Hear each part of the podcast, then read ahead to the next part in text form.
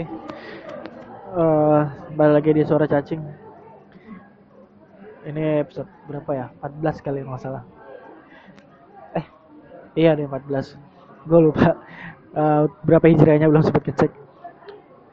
Oh sorry kalau audionya kurang bagus ya ini lagi di luar luar kantong. Tadinya gue tuh mau rekaman bareng beberapa teman juga gitu dia punya podcast juga jadi kayak kita collab gitu cuman ternyata pada sakit ya. Ya doain aja semoga cepat sembuh. Ternyata setelah dapat kabar itu kayak ah, makin sore makin sore. Gue juga, gue juga makin lemes ya gitu. Nggak tahu kenapa. Oke. Tapi nanggung lah gue udah punya sesuatu di kepala gitu gue punya semacam unek-unek yang pengen gue uh, sampein. Tapi ya apa ya gue bingung sih nyampeinnya. Gue nulis udah nggak tahu kayak ngerasa sekarang makin sulit. Bukan berarti waktunya sulit tapi kayak gue belum dapet feel lagi gitu buat nulis gitu. Ya udah gue coba sampai lewat sini. Ini kayak kembali ke asal atau awalnya gue bikin podcast ini sebenarnya buat curhat aja sih sebenarnya.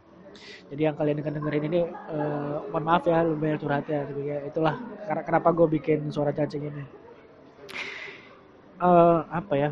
Hari ini tuh sebenarnya uh, gue pengen cerita tentang ada satu quotes yang gue dapat dari seorang artis yang gue seneng gitu di Instagram kata dia it's okay to not be okay. Gitu ini dalam sih sebenarnya. Maksudnya karena gue ngerasa ya uh, kita ini sering banget uh, di ibarat uh, dalam, dalam kata kutip dicuci gitu buat selalu feeling positif gitu. Semua hal dimaknai secara baik semuanya. Sebenarnya nggak salah gitu.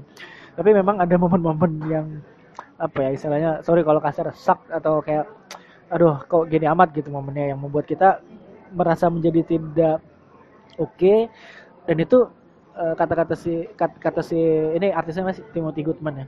Kata dia ya oke okay, gitu. Ya kita nggak akan dapat semua hal baik dalam hidup kita. Apalagi kalau ngomongin baik belum tentu yang kita anggap baik itu baik dan belum tentu yang kita anggap nggak baik itu nggak baik gitu kan. Ya ya mungkin ya lu pasti pernah dengar lah gitu. Tapi poinnya di sini sebenarnya uh, apa ya itu sih. Maksudnya kadang ada momen-momen ini ini pas banget gue kemarin baru coba nyelesain lagi buku uh, apa namanya sebuah seni untuk bersikap bodoh amatnya Mark Manson gitu ya.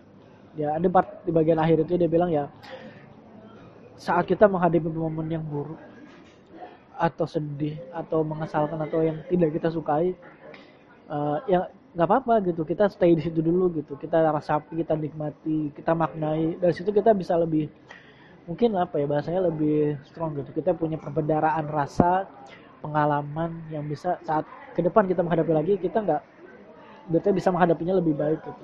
Karena kita nggak bisa jamin sih pada kita akan selalu baik gitu.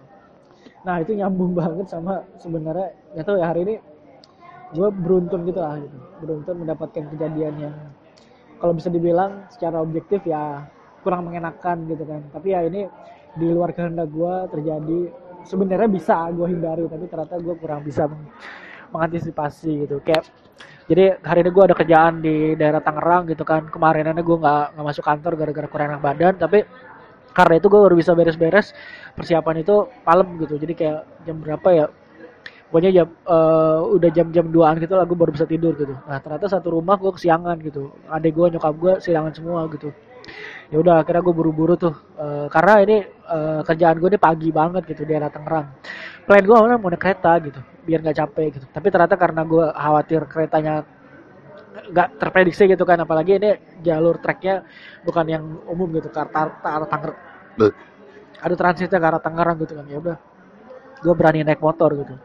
Sampai tengah jalan tuh masih oke okay, gitu. Jadi buat ngilangin ngantuk gue sambil dengerin musik kan.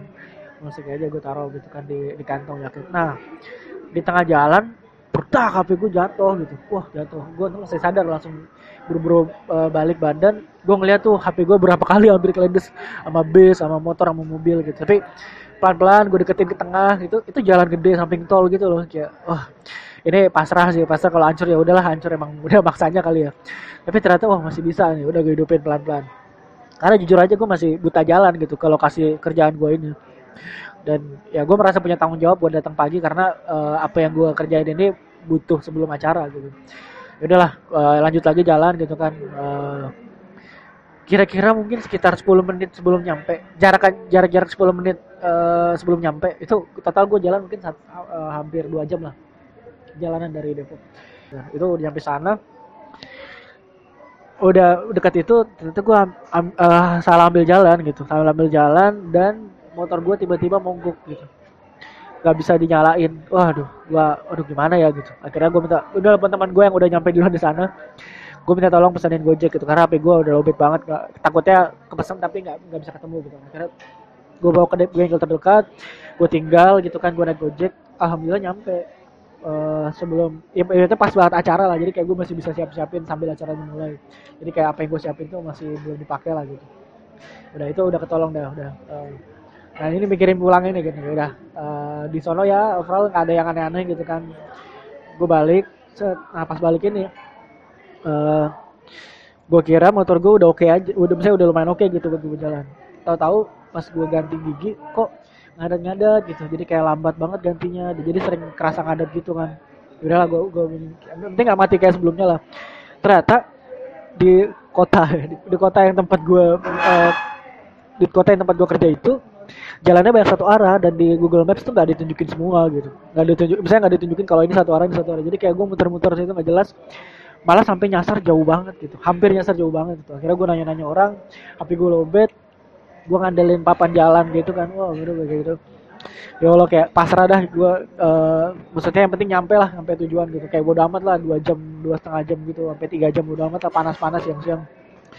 Gitu. Akhirnya gue nanya orang nah gue seneng banget tuh waktu ngelihat pelang tulisannya uh, di daerah yang gue kenal gitu udah gue ikutin gue tanya abang-abang parkir eh, pinggir jalan gitu kan abang apa pauga bang ini ke jalan eh, di daerah ini ya Jakarta ya iya iya bener bener, bener gitu pas gue telusurin kok ini arahnya kayak bukan ke arah Jakarta gitu. Uh, gue berarti tuh di bengkel gue tanya, bang ini ke arah uh, daerah ini yang di Jakarta? Oh bukan deh, ini daerah ini di kabupaten ini gitu. Emang namanya sama. Waduh mati lah. Dan gue putar arah tuh nambah berapa lama gitu. Nah intinya gue ngikutin, gue gue akhirnya percaya sama pelang aja lah ke daerah yang gue tahu dan dari situ akhirnya gue coba telusurin gitu.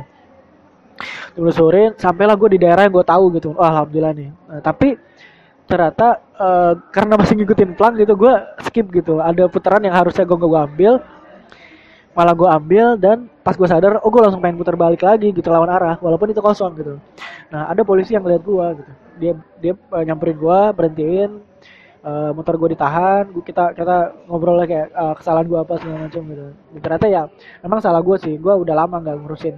Misalnya motor yang gue pakai itu ada surat-surat yang belum clear gitu kan perlu diurus. Terus gue juga belum urusin gitu kan setelah pindah apa namanya domisili ke sini dan wah gila. Itu gue kayak aduh ya udahlah gimana nih? Gitu.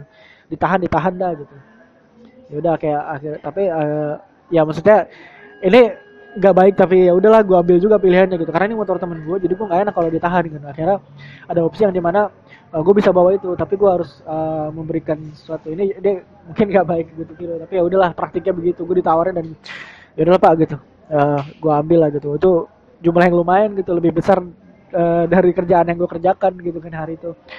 Ah ya gue gue pasrah gitu. Sampai di lokasi gue nggak balik sama gue janjian sama teman-teman gue dulu yang tadi ketemu di sana gue sambil istirahat itu capek banget gitu kan. Gue baring-baring makin sore kok badan gue anget gitu nggak enak gitu. Terus ya kebetulan temen gue juga yang mau podcast nggak jadi karena pada sakit gitu kan. Wah ini emang kompak nih kita sakit. Emang musimnya uh, ya misalnya bukan malah nyalain musim ya tapi emang kayak gak enak gitu. Wah gue gimana ya? Sementara gue tuh ada satu kerjaan yang harusnya gue kerjain hari ini besok dan hari Senin harus kelar gitu. Nah kayak wah gila gimana ya? gitu. Ya gue jujur aja hari ini tuh uh, semua hal yang tadi dari mulai gue kesiangan HP gue jatuh uh, motor gue mogok ketilang sebenarnya gue nggak pengen ambil pusing itu. Oke lah itu emang kesalahan gue gue harus terima gitu. Tapi memang di sisi lain ada diri gue yang berusaha me, ibaratnya me, me, mencari pembenaran bahwa lu nggak lagi oke okay, cuy.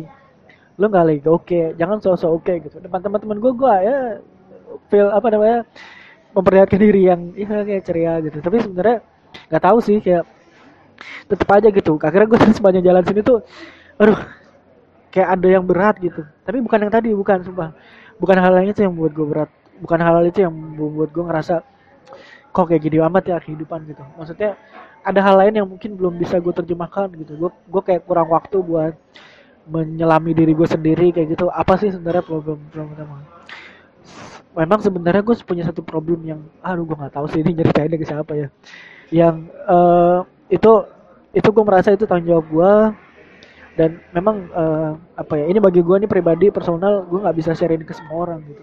Ini bukan berarti gue egois kayak ah lu so so punya masalah tapi nggak pengen sharing. Ya memang gue akan sharing ini ke orang-orang yang tepat gitu yang tahu yang ngerti gitu. Jadi akhirnya nggak ngejudge yang aneh-aneh gitu. Bukan berarti gue nyari aman cuman memang gue ngerasa mungkin nggak bijaknya ini bukan buat diketahui semua orang gitu kayak oh masalah ini tuh secara gak langsung memang berdampak sih ke entah psikologis tak mungkin sekarang jadi kesehatan gue kayak gimana ya gue nyeselin dia ya? Itulah kayak ah, apa sih? Itu gue lagi mencari aja sih misalnya makna makna dari semua ini gitu gue juga kadang mikir gitu kan ap, e, dari nasihat teman-teman gue kan yang dari pesantren yang agamanya lebih baik kayak gitu ya. Apa ya kita tuh kita tuh ngerasa sebenarnya kita sadar gitu kita banyak dosa tapi kenapa ya kadang kita tuh tetap berat gitu ngelakuin hal-hal yang diperintahkan gitu kan hal yang wajib aja gitu sholat tepat waktu terus maksudnya ya uh, apa pun lah gitu kayak hal-hal yang sunnah gitu kan sholat duha sholat lail kalau emang bangun gitu. Bahkan kayak itu gue lagi wah lagi gak enak banget lah di bagian itu gitu. Memang apa karena ini ya? Cuman kayak jadinya masa gue nyalain ini sih gitu? Ya memang sih ini bisa ada pengaruhnya gitu kan ke ke ketenangan batin gitu ya. Cuman kayak pasti ada sih yang bisa gue lakuin ada sih yang bisa gue uh, lakukan buat nyelesain ini gitu. Gue gue gue yakin sih pasti ada. Cuman gue belum nemu aja sebetulnya memang jadi nggak enaknya tuh gue tuh punya apa ya rasa uh, ketidakenakan yang tinggi sih mungkin ya. Gue gue tuh udah berusaha gitu buat nolak misalnya gue ada uh, harus ngelakuin ini gitu. Itu bukan hal yang harus gue lakukan gitu tapi kayak kadang gue uh, apa ya yaudah ya ya aja gitu. Tapi pas gue coba lakuin kok kok nggak bisa ya? Maksudnya nggak bisa karena gue harus ngelakuin ini gue kayak gue kacau gitu loh kacau gitu dalam dalam mengaturnya gitu kayak akhirnya jadi deadline deadline deadline deadline. Nah, akhirnya gak, akhirnya nggak maksimal gitu. Dan gue paling gak suka sih sebenarnya rasa gue membuat rasa kecewa gitu ke orang. Kayak ah gimana ya? Oke mungkin lu bisa dimaafin tapi lu tahu pasti orang punya pandangan yang udah beda sih kalau kalau lu udah bikin kecewa gitu. Gue udah pernah ngalamin itu sih sebenarnya. Jadi kayak nih gak tahu nih gue yang kerjaan senin ini gimana ya? Gue solve ya kan wah gitu.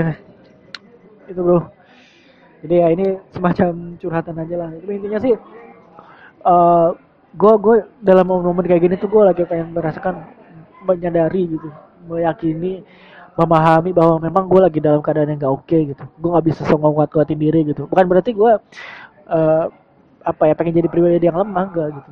Pesan Buai Hamka kan wahai pemuda kuatkan pribadimu gitu. Cuman gue rasa uh, seperti yang gue bilang sih di episode kapan gitu yang dari tulisan apanya ya ini bisa jadi excuse ya kayak gue juga kadang mikir apa ini karena gue terlalu mengeksis ya gue rasa orang tuh punya kondisi yang beda-beda gitu. Dan gue nggak bilang dunia nggak adil ya Tuhan nggak adil enggak gitu cuman ada effort aja yang yang kenapa ya? Bukan kenapa sih gue gue nggak pengen terlalu mempertanyakan kenapanya cuman gimana ya gue uh, bisa handle dan kelarin itu gitu.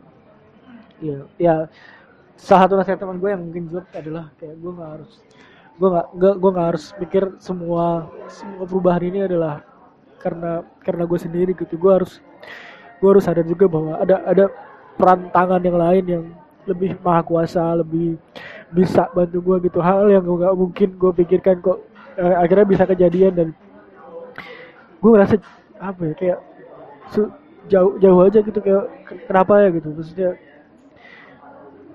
jadinya nggak nggak bisa gitu nggak nggak nggak nggak clear sampai oke okay, gue bisa nih pasrah nih buat buat ini gue serahkan uh, ya Allah gue udah berusaha segini gini tapi uh, maksudnya hasilnya uh, kau yang menentukan. Cuman kayak kenapa ya gue nggak nggak bisa se seluas itu gitu seluas itu mengikhlaskan gitu kayak gitu lah uh, sorry ya jadi jadi melankolis gini ya tapi ya gue tuh sesulit itu gitu. Orang tuh sering cerita ke gue orang banyak cerita gue gue banyak tahu masalah orang. Gue uh, gue bisa dibilang cukup bisa menjadi teman diskusi yang asik. Tapi kayak gue sendiri tuh susah gitu buat nge-share masalah gue gitu. Gue ngerasa orang tuh udah punya cukup masalah gitu. Orang tuh udah cukup punya problem dan kenapa harus gue tambahin lagi gitu. Ya ya udah gue sel selama memang gue gue nggak banget gue akan coba dulu gitu. Coba dulu gitu sih btw sorry, sorry lagi sekali lagi ya sorry lagi sekali lagi jadi kayak sampah gini episode ini. Tapi ya itulah apa yang gue rasain gitu kan semoga uh, gue berharap sih maksudnya gue bisa lebih baik lah buat menghandle ini gitu. Gila ini baru awal tahun cuy. Baru awal tahun udah kayak gini buat semoga aja besok besok bisa lebih oke okay lah gitu. Gitu. Thank you sih thank you banget thank you banget. Kalau ada yang dengerin sampai sini gitu ocehan-ocehan curhat uh, apalah ini gitu kan kayak uh, kalau lu punya apa ya lu, lu mau kasih advice boleh banget lah gue terima banget. Lu kasih advice segala macam gitu gue coba akan telah gitu. Ya, thank you ya. Sampai ketemu di suara berikutnya. Ya, assalamualaikum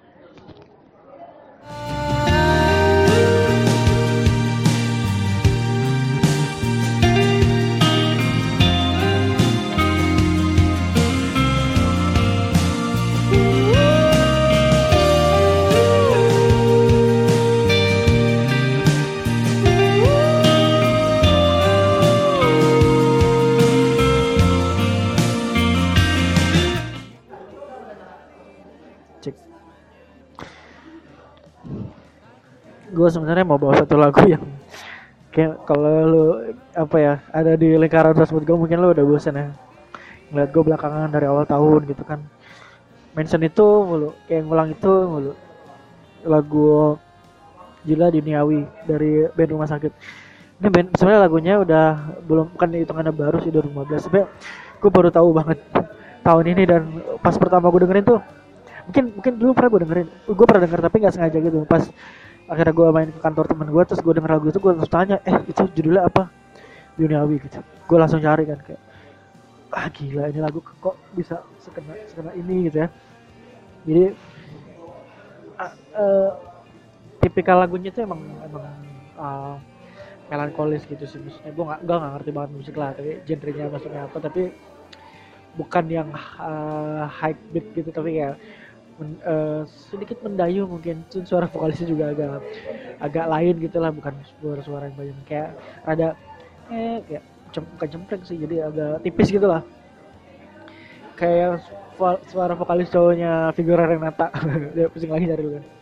Tapi yang membuat gue sangat jatuh cinta sama lagu itu sih kayak beberapa kali sampai tiap hari gue dengerin lah. Berangkat kerja nyampe kantor pas lagi sepi sendiri terus kayak gue pulang kerja atau sendiri di rumah. Atau kadang kalau nggak lagi HP gue lagi lobet gue nyanyiin sendiri karena udah lumayan hafal gitu kan. Inget bayangin musiknya di kepala kayak wah kenapa lagu ini sangat relate gitu dengan apa yang lagi gue jalani gitu. Maksudnya ini menurut gue sangat spirit maksudnya kerasa banget sih spiritual lagunya kayak dia mention tentang se sebuah hal yang mungkin secara nggak sadar kita kejar gitu perihal dunia gitu. Dia nggak mengajarkan. Dia nggak menggurui bahwa kita jangan mengejar dunia kita harus uh, fokus pada tujuan-tujuan yang baik kayak gitu-gitu kayak dunia itu semua semacam enggak dia nggak pakai bahasa-bahasa kayak gitu. Jadi dia uh, apa ya smooth sih menurut gue kayak dia menunjukkan bahwa sesuatu yang sangat kita rasakan gitu di mana kita berupaya gitu kan mengejar sesuatu yang namanya dunia menghanyutkan kita ke dalam sebuah mimpi gitu kan. Gue pengen mencapai mungkin kita nggak nggak nggak buruk sih. Maksudnya kita punya impian kita punya sesuatu untuk dicapai gitu. Jadi kayak uh, apa ya masuk bagian ref tuh ketol misalnya ketol, kebantu sama nadanya tuh kayak jadi kebawa banget gitu ke suatu tempat yang kita ngerasa ini benar banget nih. Jadi dia bilang kalau uh, menggapai duniawi itu tuh menggapai sesuatu yang uh, berlari gitu dari kita. Nggak akan pernah sampai nggak akan pernah dapet gitu.